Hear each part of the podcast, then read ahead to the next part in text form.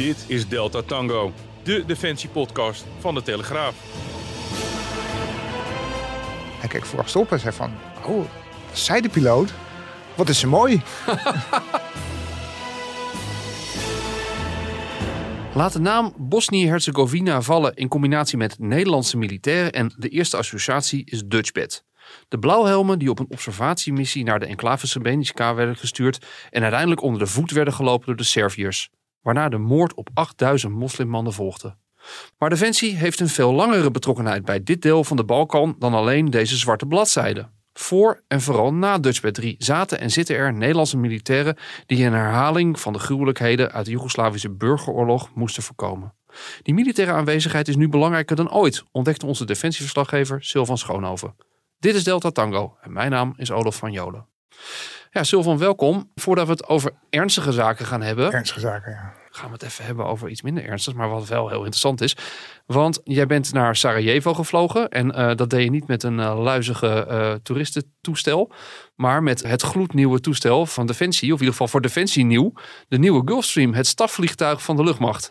Ja, zeker. Was het wat? nou ja, jij en ik hebben natuurlijk ook met de oude Gulfstream gevlogen. Maar ja, daar kan ik niet anders op terugkijken dan als een, als een barrel. In vergelijking met deze nieuwe Gulfstream Extended Range. Die hoger, sneller en verder eh, kan. En ook een stuk stiller is dan de oude Gulfstream. Dus dit is het defensietoestel waarmee politici, militairen, Commandanten, hè, vaak hoge militair, commandant, van de landmacht, eh, commandant luchtmacht, in dit geval ja. de commandant van de marine. snel even naar een gebied kunnen waar militairen actief zijn. Minister vliegt ermee, dat kan ook. Nou, dat eh, het zou niet verbazen dat eh, deze nieuwe Gulf, Gulfstream ook van alle luxe is voorzien. Je krijgt lekker vers eten aan boord. Je vliegt nou zeker 20% sneller dan met een gewoon verkeersvliegtuig. En je hebt eh, over beenruimte ook niet te klagen. In de grote lederen fauteuils. eh, ja, het is echt een feest om eh, met deze Gulfstream te mogen reizen. Zonder wachttijden, incheckbalies. En zonder dat hij X-ray, X-ray poortjes of zelfs een En paspoortcontrole. zonder dat hij kapot gaat. Want de vorige die was altijd kapot. Ja, het dat- aantal dat- persreisjes waarvan ik weet dat er werd gezegd met veel beloofde. we gaan met de Gulf. En dan volgde er bijna altijd een telefoontje. Ja, sorry, de Gulf is kapot. Ik heb het twee keer meegemaakt zelf. Dat ik één keer zelfs dat ik in een hotel zat, al op de vooravond van, van zo'n vlucht. En dat ik gebeld werd van ja, nee, sorry, het gaat niet door, hij is stuk. Dat kleefde heel erg aan die oude Gulfstream. Nou, als het goed is, zijn eh, dat soort kinderziektes in deze splinternieuwe Gulfstream zijn, eh, zijn allemaal verholpen. En hij heeft ook nog een systeem voor raketafweer. Oh, wauw. Dus je zit extra veilig eh, daar in je stoel, wetende dat eh, een luchtafweerraket eh, geen kans maakt. Maar, maar het was niet zo dat de commandant de tas eh, daar landde met al flares afschietend op het vliegveld van Sarajevo. Nee, dat had ik een beetje gehoopt, maar het was een, eh, het was een, het was een Valt ook weer zo op. nette landing, maar zonder vuurwerk. Ja, nou, de, de- toch geruststellende gedachte dat dat ook weer opgelost is. Eh, de Gulf niet meer kapot. Dat is al nieuws op zich. Ja, gaan we over naar waar we het vandaag vooral over willen hebben. Over eh, voormalig Joegoslavië. Ja, zoals ik al in mijn inleiding zei, dan denkt iedereen aan Dutchbed 3. Maar wat veel minder mensen weten is dat Nederlandse militairen eigenlijk altijd in dat gebied zijn gebleven. Onder de NAVO-vlag in eerste instantie met eh, de Kosovo-crisis. Waar eh, onder andere Nederlandse F-16's heel actief zijn geweest om, eh, Ja, in om doelwitten te bestoken. In 1999, hè, toen, Ja. toen konden we echt voluit in actie komen. Nadat we ons onder de blauwe helm van Dutchbed moesten we ons natuurlijk vreselijk inhouden. Hadden we geen mandaat en konden we geen deuk in een pakje boter slaan. Maar in 1999, toen Servië de grote vreedheden beging, mag ik wel zeggen, in de provincie Kosovo. Toen lanceerde de NAVO daar een, een serie luchtaanvallen op. En uit force die wij, die wij eh, nog niet gezien hadden, zeg maar, als Nederlandse luchtmacht. En eh, toen gingen we voluit. Ja, nou, en daarna zijn er dus ook nog allerlei missies geweest. eh, Doorlopend onder, onder VN-mandaat. En in de laatste periode onder EU-mandaat. Eigenlijk allemaal erop gericht om dat broze evenwicht. wat er nog steeds in dat gebied is. om dat te handhaven. Ja, en nu als laatste zijn daar volgens mij 150 Nederlandse mariniers. Ja, naartoe 150 mariniers. En dat was ook, ook de reden dat ik daar naartoe vloog. eh, Met eh, inderdaad vice-admiraal René Tas, de baas van de marine in Nederland. En hij ging eh, ja, kijken hoe zijn mannen het daar deden. Het korps mariniers zit daar met 150 man. Er zitten ook nog een aantal mensen die inlichtingen verzamelen. Die zitten daar op een hele grote internationale kazerne met geloof 21 of 22 andere nationaliteiten. Allemaal op dat hele grote kamp. Zwaar bewaakt ook dat kamp. Sarajevo heb je het dan over In. Sarajevo. Ja, oké. Eh, bij de hoofdstad. Sarajevo is Bosnisch, maar je bent Sarajevo nog niet uit Of je komt een bord tegen met dit is de Republika Srpska. Dus dat is het Servische deel van Bosnië. Ja. Want na die burgeroorlog waar we het net over hadden, dat land is opgeknipt eigenlijk in een aantal stukken. Er is maar één Servisch deel, of eigenlijk, eigenlijk twee Servische delen om het nog ingewikkelder te maken, die dan weer los van elkaar staan, maar die wel een eigen regering hebben. En een Bosnisch en Kroatisch deel.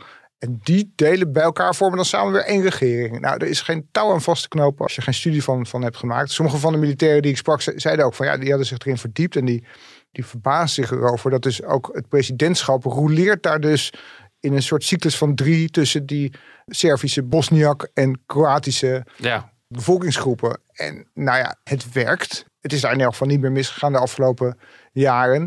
Maar het is natuurlijk wel een soort kaartenhuis. Klinkt niet als de ideale bestuursvorm, nee. Hey, en die, die mariniers, wat doen ze daar? Ja, die zitten daar op dat zwaar bewapende kamp. Het zwaar bewaakte kazerne eh, z- zitten ze daar. En ze gaan daar vanaf om patrouilles te lopen. Ja, En je bent eh, mee geweest op ik ben mee patrouille? geweest Ja. op, eh, op zo'n patrouille. eh, ook met de vice-admiraal. Die ging ook meelopen. En ja, ik zal het maar gewoon ronduit zeggen, dat, dat zijn eh, geen patrouilles met een hoog risico. Want het heeft zelfs iets surrealistisch. Je, je loopt daar met een groep bewapende mariniers, die eigenlijk zijn getraind voor het allerhoogste geweldspectrum. En die lopen daar door een eh, zonovergoten stadje waar mensen aan het winkelen zijn. En die steken vriendelijk hun hand op. En nou, er is ook een koffiebarretje en dan kunnen ze cappuccino drinken. Als je daar loopt, denk je van, wat zijn we hier eigenlijk aan het doen? Ja. Waarom gooi je weer zoveel geld en middelen Ik, ik, tegenaan? vermoed, ik vermoed dat je die vraag ook gesteld hebt. Zeker, ja, nou ja, sterk nog, iedereen zelf stelde die vraag natuurlijk ook van, ja, ja, het is duidelijk dat dit niet de meest sexy missie is die, eh, die een marinier zich eh, in zijn wilde dromen voorstelt. Of Lopen ze daar wel een vol ornaat? Of is het wel een beetje Nee, eh, dress down, zullen we maar dress zeggen? down. Kijk, wat ze daar doen is veel nuttiger dan je op het eerste gezicht zou denken. Je zou denken van, waarom sloven we ons uit voor een land waar ja, de vogeltjes fluiten en, En de cappuccino uitstekend is. En de cappuccino, er is daar niks aan de hand, zou je zeggen, als Ah, ja. je daar oppervlakkig kijkt. Maar als je wat dieper kijkt, dan zie je dat er natuurlijk wel degelijk veel aan de hand is daar. En dat het heel erg nuttig is dat wij, Nederland, Europa, de EU, daar vinger aan de pols houdt om te zien of het goed blijft gaan. En welke onderhuidse spanningen er zijn. En of mensen ontevreden zijn. En mocht het nou misgaan, en dat misgaan is op de Balkan nooit ver weg, weten we helaas uit de geschiedenis dan is het natuurlijk belangrijk dat daar een zekere force protection is, waar het Bosnische leger eigenlijk niet geschikt voor is om die op te vangen. Die is eigenlijk te klein en te zwak om echt de orde te handhaven op het moment dat het daar mis zou gaan. De Nederlanders die daar zitten, de- hoe, hoe groot is die, die hele club? Zullen we zeggen, als je die andere nationaliteiten erbij telt, kunnen ze echt een beetje iets op de mand leggen als het misgaat? Ja, dat kunnen ze wel, ja. En daar hebben ze ook echt wel, eh, ze hebben daar ook een grote munitieopslagplaats. Ze hebben daar genoeg wapens, ook lange wapens. Daar gaan ze niet mee de straat op, want ze gaan dus inderdaad dress down met, de- met alleen een klok op zak, bij wijze van spreken. Dat Hmm. hangt een beetje van het dreigingsniveau af. Maar eigenlijk is dat in het hele land, is dat dreigingsniveau gewoon op dit moment niet hoog. Maar er broeit daar wel van alles. En we weten gewoon uit rapporten van Klingendaal bijvoorbeeld, die schrijft dat de spanningen in dat land lopen op. En je ziet dus ook dat de EU heeft besloten om de militaire aanwezigheid in dat land dus ook op te schroeven. Want er zaten tot een jaar of eh, acht geleden, zaten er maar 600 EU-militairen daar om deze taak te vervullen. Dat is bijna symbolisch eigenlijk. Dat is bijna symbolisch. Daar kan je natuurlijk niet veel mee op de mat eh, leggen. Nu inmiddels zijn het er 1400, plus nog eens 200 tijdelijk. Dus eh, ja, 1600 nu. Ja, dat is wel even een verschil. En dat doen ze niet voor de lol. Waarom is dat? Waarom nemen die spanningen daartoe? Ja, je ziet Serviërs en Bosniaks en Kroaten in één staat. Het is lang goed gegaan. Het is niet zo dat ze elkaar elke dag de tent uit, uitvechten. Maar op politiek niveau begint de, irritatie wel toe te nemen. En dat gebeurt vooral aan Servische zijde. Waar de Servische leider Dodic, die slaat wat rabiate taal uit. En, daar maakt men zich ook zorgen over, die loopt aan de leiband van Rusland, van het Kremlin. Het zijn twee buitengewoon volkeren die het altijd goed met elkaar hebben kunnen vinden. De Serven en de Russen. ja. het is niet altijd per se twee handen op één buik. Het is niet zo dat de Serviërs alles doen wat Rusland zeggen. Het is ook niet dat de Bosnische Serviërs alles doen wat Rusland dicteert of zo. Maar er is daar wel een veel grotere verwantschap dan bijvoorbeeld tussen de Bosnische moslims en de Russen. En nou ja, ik bedoel, iedereen mag, mag natuurlijk vinden wat hij wil, maar Europa maakt zich wel zorgen dat Rusland doelbewust aan het stoken is in Waarom doen ze dat? Wa- Wat is hun motief om dat te doen daar? Nou ja, zoals je weet, Rusland heeft alle belang bij dat Europa en het Westen te maken heeft met allerlei onrust. Want die hebben namelijk al veel aan hun hoofd. Niet alleen de oorlog in Oekraïne natuurlijk, waar we heel erg druk mee zijn met wapenleveranties, humanitaire steun, alles en nog wat. Ook de spanning in de, in, in de Baltische Staten, waar natuurlijk Russische minderheden zijn, die dan zogenaamd onderdrukt worden. Dus daar broeit en gist het ook. Maar ik denk, ik denk ook aan Moldavië, Transnistrië, dat strookje in Moldavië, wat eigenlijk al de facto door Rusland is uh, geannexeerd bijna. Dus hoe meer van dat soort etterende conflicten er zijn aan de rand van Europa, hoe, slechter het is voor ons en hoe beter het is voor Rusland. Want en dat gebied is natuurlijk ook, uh, laten we zeggen, betwist als het gaat om de invloedssfeer. Want eh, er hangt een EU-lidmaatschap in de lucht. Ja, en uh, ook een NAVO-lidmaatschap eventueel hè, op den duur. Dus het Westen wil eigenlijk deze staten aan de borst drukken van kom bij ons. En Rusland ziet het uiteraard nog steeds als deel van zijn invloedssfeer.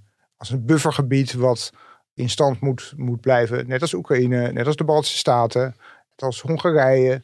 En wil eigenlijk daar juist een, een nauwere band. En Rusland doet dat door anti-westerse sentimenten te voeden. Van, van nou ja, waarom zoeken jullie heil bij die, bij die verweekte, decadente Europeanen? Jullie niks te bieden. Kom toch bij het Russen en Slaven zijn toch broedervolken die eigenlijk bij elkaar horen. Door de geschiedenis aan elkaar zijn verbonden. Is dat ook merkbaar zichtbaar op straat als je daar bent?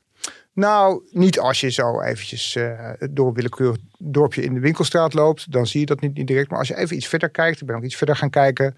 Dan zie je toch wel uh, hier en daar wat graffiti op de muur. Of gewoon pontificaal een heel groot portret van Poetin uh, hangen. Ik zag dat in Srebrenica. We zullen het nog over hebben. Maar daar hing een hele grote poster van Poetin in een soort Servisch politiek kantoortje. En daar hing ook een ander pamflet bij waar hele opruiende taal op stond. En dat had dan ook te maken met de verstandhouding tussen de Bosniaks, de Serven en de naleving van het vredesakkoord. Dus daaraan kon je eigenlijk heel goed zien van, van oké, het is... Uh, er gist hier toch wel iets onder oppervlakte of zelfs daarboven. Hoe, hoe zorgwekkend is dit? Nou ja, heel, heel zorgwekkend natuurlijk. Want je moet er niet aan denken dat Europa nu in deze tijd waarin we al zoveel problemen aan ons hoofd hebben en proberen de stabiliteit en de eenheid te bewaren in dit deel van de wereld, dat er dan zo'n conflict, en we hebben gezien wat een afgrijzelijke omvang en, en, en gruwelijkheid uh, daar zich heeft afgespeeld in de jaren negentig. Moet er niet aan denken dat zoiets zich opnieuw gaat, af, gaat afspelen. Is, is dat dan het meest waarschijnlijke scenario of een scenario waarbij de Russen daar het gebied letterlijk binnenkomen? Dat ligt niet zo voor de hand, omdat het natuurlijk niet direct grenst aan Rusland. Hè? Uh, dus, dus het is niet zo dat Rusland hier gaat binnenmarcheren. Ze zullen ook Servië niet binnenmarcheren. Ze zullen zeker Bosnië niet binnenmarcheren, want dat, ja, dat is gewoon geen grensgebied voor hen. Maar dat is ook helemaal niet nodig, want uh, het is voor hen eigenlijk veel makkelijker om gewoon te zorgen dat Servië Kremlin gezind is, of Hongarije Kremlin gezind is, of de Serviërs in Bosnië trouw zijn aan Moskou, als ze dat voor elkaar krijgen. En nou, daar zijn ze dus een eind mee op weg. Ja ja, dan hebben ze eigenlijk voor een groot deel hun eh, doel al, al bereikt. En dan wordt er die Europese eenheid, waarvan wij zeggen van nou, dat is een goede zaak voor de stabiliteit en de veiligheid hier, die wordt dan ondergraven. Ja, hoe, hoe eh, gaan de mariniers daarmee om? Hoe lopen die daar rond? Ja, die lopen rond, die knopen praatjes aan, die proberen eh, uit te stralen van oké, wij zijn hier. Hè? Want een van de overwegingen is toch wel dat Rusland weliswaar roept van, joh, wat hebben jullie bij het Westen te zoeken? En uh, jullie zijn nog beter af als jullie naar ons kijken in plaats van naar, naar het Westen. Maar ja, Rusland kan niet zoveel doen daar. Die hebben natuurlijk geen economische macht. Die kunnen geen, geen snelwegen opknappen, naar, eh, om het zo maar te zeggen. Die kunnen eigenlijk, behalve dat ze natuurlijk gas en olie hebben als een, als een middel om aan wat knoppen te draaien, kunnen ze verder niet zoveel betekenen voor die landen. Europa kan natuurlijk wel iets betekenen voor die landen door daar te zijn, door daar aanwezig te zijn en door uit te stralen van jongens, jullie zijn er veilig, rustig blijven, wij houden de boel in de gaten en gaat het mis, slaat de vlam in de pan, dan staan wij er om de orde te herstellen. En ja, daar heeft zo'n bevolking natuurlijk veel meer aan dan allemaal van die ophitsende praatjes van uh, dat Westen, dat, dat heeft het slecht met jullie voor. Het dus, een soort ongedekte checks inderdaad. is ongedekt, ja. Hey, je, je noemde het al, Srebrenica. Je bent in Srebrenica geweest. Ja, hoe was dat? Want het was, je was er nog nooit geweest volgens mij. Nee, ik was er nooit geweest. En ik vond dat ik daar uh, ja, als verslaggever Defensie moet je, moet je daar, daar, daar, hebben, daar, ja. daar natuurlijk rondgelopen hebben. Al, al, die plekken waarvan die elk jaar bij de herdenking weer terugkeren. En uh, ja, je, je, wilt toch zien hoe het, uh, wat de afstanden zijn, hoe het er nu bij ligt. Dus ik ben uiteraard ook op de compound Potocari geweest, waar Dutchbed 1, 2 en 3 hebben gezeten. En 4.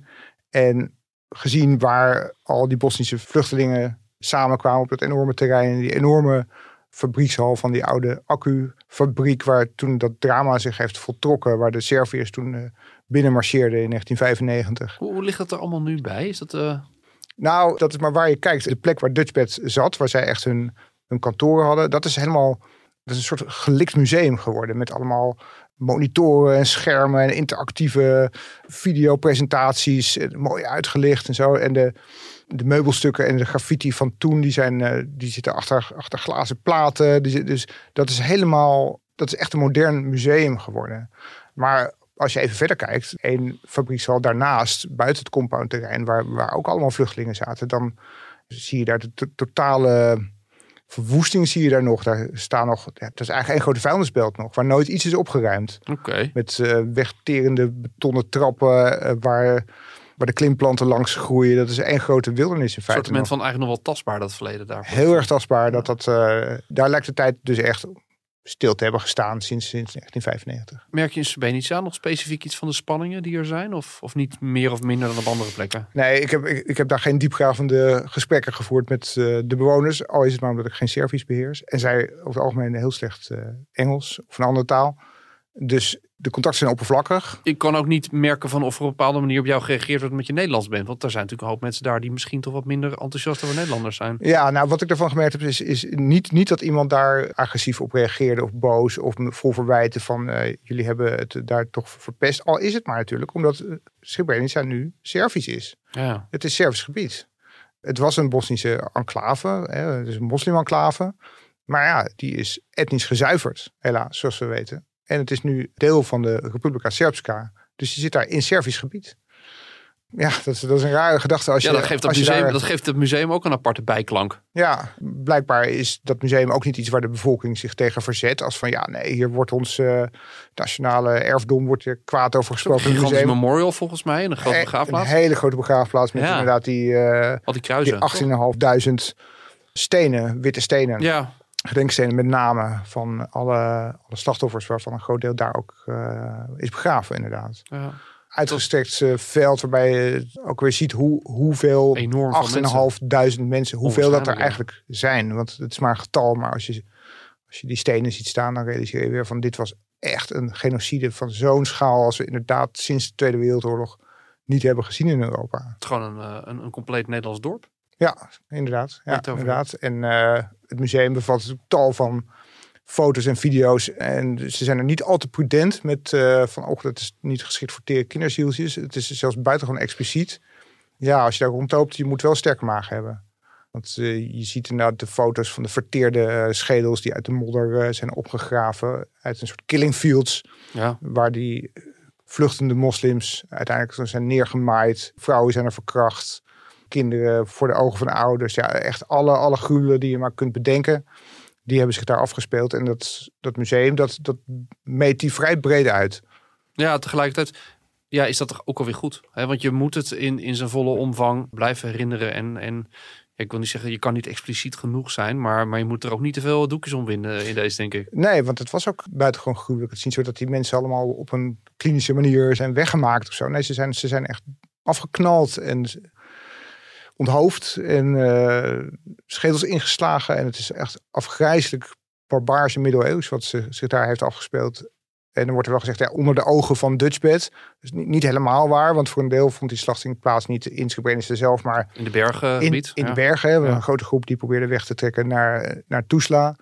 En die werd onderschept door de Bosnische Serviërs. En eh, die werden gewoon van die bergen afgehaald. Of gewoon eh, bestookt met artillerie of met punt 50's. eh, werden die daar gewoon afgeknald in die bossen. Of geëxecuteerd.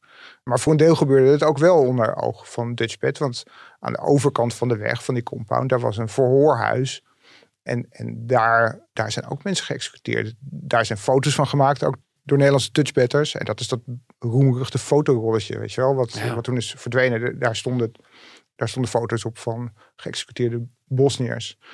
Die daar echt inderdaad onder de ogen van de Dutchbetters eh, zijn vermoord. Dus ja, het blijft natuurlijk uiterst pijnlijk de rol die Nederland daar heeft kunnen spelen of heeft gespeeld. En dat het zo is gelopen zoals het is gelopen. We hebben daar natuurlijk wel ja, lessen uit, uitgetrokken sindsdien. Ja, dat hoop je in ieder geval wel. als het gaat om VM-missies kunnen we daar nog wel een boom over opzetten. Maar dat is, nou ja, weet je, het is in ieder geval goed denk ik inderdaad. denk jij van niet dan dat er... Dat nou, ik denk dat we daarna ook, hè, bedoel, het grote probleem van VM-missies is natuurlijk volgens mij toch het principe van over promise under deliver.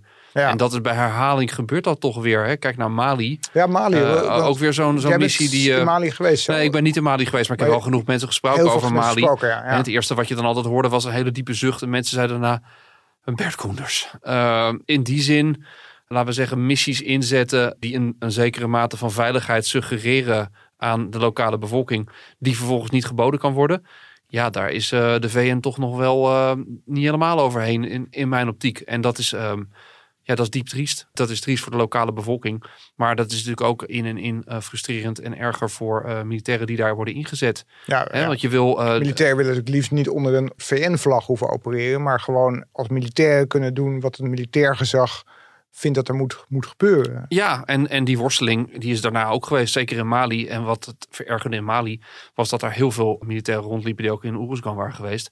Ja, daar kwamen ze, hadden ze een heel ruim mandaat en zware bewapening. Ja. En ik heb wel mensen gehoord die zeiden van ja, er was toch even omschakelen in Mali. Want mensen gingen toch een beetje het doen net als in Oeruzgan. Maar dat mocht daar helemaal niet. Hè, want dat was ook daar een heel ander type missie. Daar waren ze toch weer, toch weer gebonden aan allerlei uh, beperkingen. En dat is natuurlijk ook de grote misvatting over Srebrenica geweest. En dat is een heel... Uh, heel open wond bij, bij Dutch betters, heb ik altijd gemerkt. En terecht, dat ze altijd zeggen, ja, maar uh, ze waren daar zingen, ze zijn daarheen gegaan om, om de moslims daar te beschermen.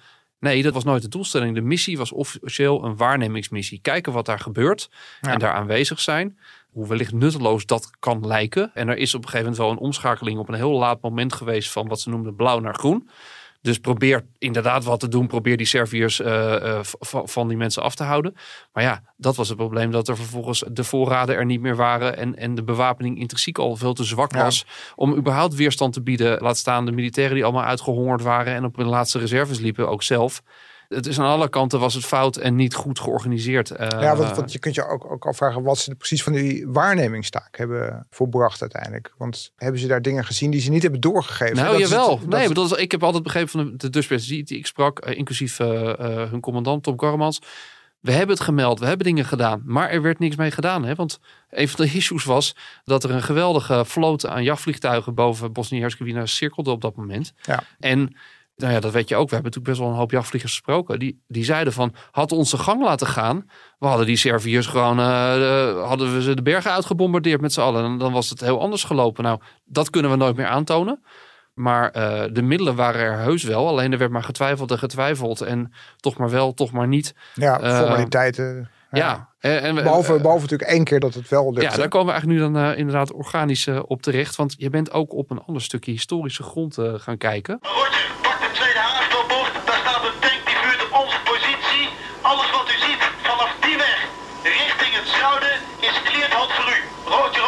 Zie ik tussen een huis met een rood dak en die bocht wat tanks rijden. Confirm? Roger, pak het zooi.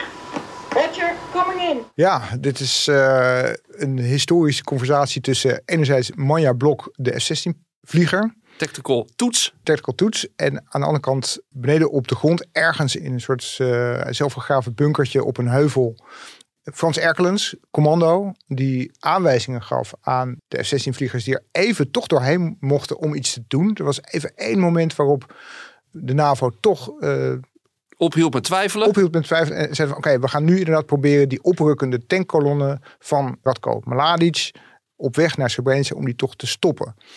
En hier hoor je dus Frans Erkelens, de commando, aanwijzingen geven aan de jachtvlieger van waar zij haar bommen kon laten vallen. Hij was het formeel niet, want hij was invaller, maar zoals we noemen, een forward air controller. Forward air controller, ja. En hij doet dat, uh, nou, zoals je hoort, heel rustig en, en beheerst en accuraat. En zij ziet vanuit de lucht, en er zijn ook, ook die videobeelden die je hebben nog. Daarop kun je zien hoe zij een duikvlucht maakt, een bom laat vallen, optrekt nog een keer die duikvlucht maakt nog een tweede bom uh, laat vallen. En haar wingman die gooit er nog een derde bom dan bij. En die komen dan terecht op of in de buurt van die oprukkende tanks van Mladic. En het idee was van, nou ja, daarmee kun je die kolonne tot stilstand brengen. Of misschien wel uh, ja, terugdrijven zelfs. Nou, die hoop was was ijdel, want het zorgde hooguit voor een tijdelijk oponthoud. Daarna zijn ze doorgestoomd naar Srebrenica. En toen heeft het drama zich daar voltrokken. Maar het idee is toch van, we hebben daar toch tenminste iets gedaan. Nederland heeft niet helemaal met de handen op de rug. We hebben daar daadwerkelijk die luchtaanval uitgevoerd. Ik was natuurlijk benieuwd, want ik heb de hoofdrolspelers uit dit verhaal allemaal gesproken. Marja Blok en Frans Erkens.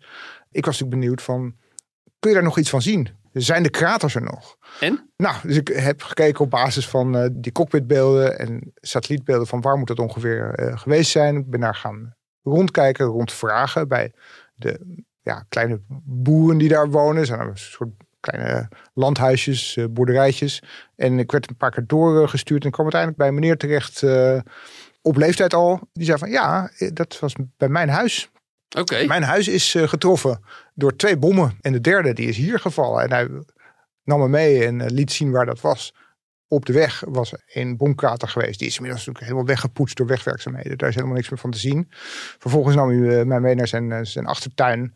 Daar was ook een bom neergevallen, eigenlijk vlak naast de weg.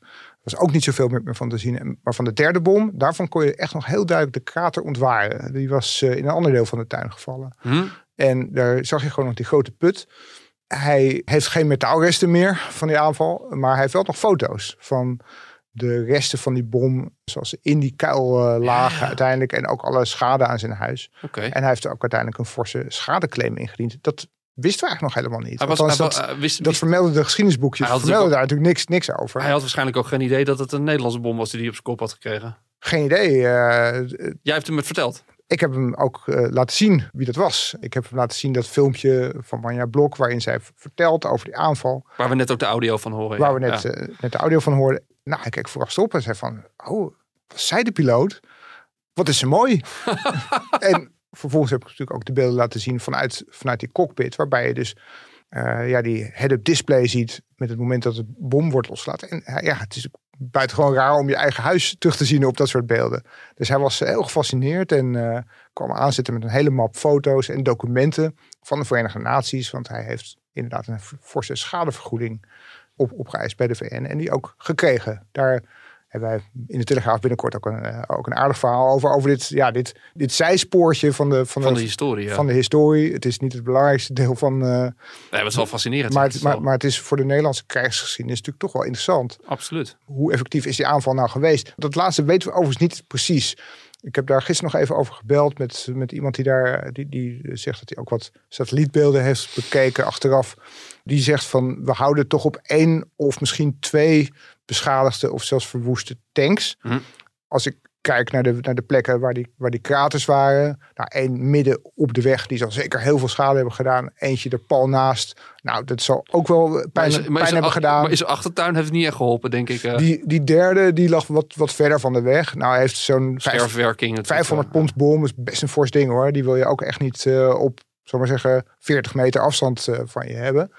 Maar die, die zal waarschijnlijk wat minder schade hebben gedaan. Wat- maar hele- helemaal zeker zullen we, het, eh, zullen we het nooit weten. Ter vergoeding, hè. destijds waren het nog. Tegenwoordig zijn we heel erg gewend aan die, aan die high-tech bommen die helemaal om een laser gestuurd naar hun doelwit worden geleid. Ja, Dit waren echt gewoon nog domme bommen eigenlijk. zijn- dit waren Bijna gewoon domme- precies zoals het destijds nog in de Eerste Wereldoorlog werden Ja, gegooid. Dus domme gewoon bommen, ja. goed mikken en, en zorgen dat hij in de Ja, juiste baan naar beneden komt. hier, hier waren wel iets meer, iets meer computerhulpmiddelen om dat mikken wat makkelijker te maken. Dus we hadden een soort van cirkeltje op, op die head-up display. En die berekende eigenlijk waar die bom dan terecht zou komen als je hem nu zou loslaten. Dus dat geeft iets meer precisie. Maar het is nog steeds een domme bom die niet meer bij te sturen is. Maar als ik toch keek hoe dicht ze bij elkaar lagen, dacht ik, nou, dat is toch niet slecht eh, voor een niet lasergestuurd systeem. Nou, wat dat betreft een soort eh langjarig overdone eh, compliment aan eh, Manja Blok eh, en haar wingman. Toch wel. Hey, ehm, top besluit. Eh, terug was het opnieuw weer in alle luxe naar huis? Of, eh? Nee, nee terug. eh wat tripje naar Srebrenica zorgde ervoor dat ik dus niet de terugreis kon nemen met de Gulfstream Extended Range. Ah, dat vind ik nou goed hoor. maar dat ik mijn toevlucht moest zoeken tot Wizz Air en EasyJet met een vervelende overstap op Londen Luton. En dat is een stuk minder luxueus, kan ik je zeggen, dan aan boord van de privéjet van Defensie. Nou, terug met de benen op aarde. En daar horen wij ook gewoon te staan natuurlijk als eenvoudige letterknechten en Zo is het. Oké. Silvan, dankjewel. Dit was Delta Tango voor deze week. We hopen dat je met plezier hebt geluisterd. En als dat zo is, laat het ons weten. En laat de recensie achter op een van de podcastplatforms. Of waardeer ons daar, zodat meer mensen ons gaan zien. Delta Tango is er over twee weken weer met een onderwerp uit de wereld van defensie en internationale veiligheid.